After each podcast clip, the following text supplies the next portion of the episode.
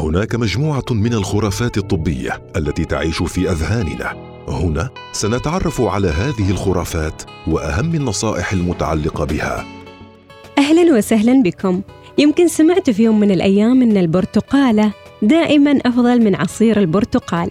يا ترى ما مدى صحة هذه العبارة؟ خلونا نتعرف على التفاصيل. خرافات طبية مع سميرة الفطيسية. جملة البرتقالة دائما أفضل من عصير البرتقال جملة غير دقيقة. العبارة الأصح والأدق أن نقول أن ذلك يعتمد على الطريقة التي تصنع بها العصير. أيهما أفضل شرب العصير أم تناول الفاكهة ذاتها؟ الإجابة تقول أكل الفاكهة أفضل من شرب عصيرها لأن بها أليافا وفيتامينات ومضادات أكسدة أكثر. أما العصائر فغالبا ما يزداد فيها محتوى السكر الذي لا يخفي مضاره لكثير من الناس.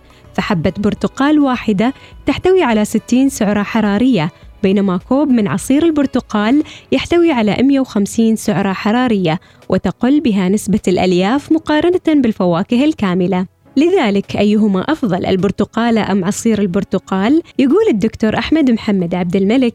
إذا أخذت البرتقالة وأزلت القشرة الخارجية ذات اللون البرتقالي وأبقيت على الطبقة البيضاء الرقيقة ثم وضعت البرتقالة كاملة في الخلاط ولم تضف أي سكر أو محليات فإن الفائدة الغذائية والسعرات الحرارية ستكون متساوية تماما بين البرتقالة وعصيرها. إن بعض محبي العصير يؤمنون أن عصر البرتقالة أفضل من أكلها لأن العصر يسهل عملية امتصاص الفيتامينات والمعادن مقارنة بالأكل، لكن هذا الادعاء لا يستند على أساس علمي. لماذا ألياف البرتقالة مهمة حتى توازن محتوى سكر الفركتوز وتشعرك بالشبع لمدة أطول؟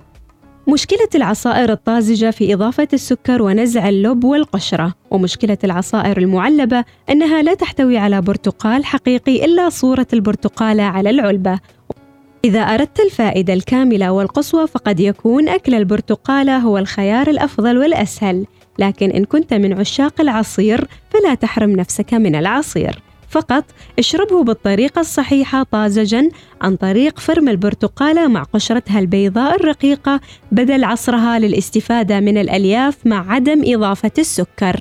خرافات طبية مع سميرة الفطيسية يأتيكم برعاية شركة المياه الزرقاء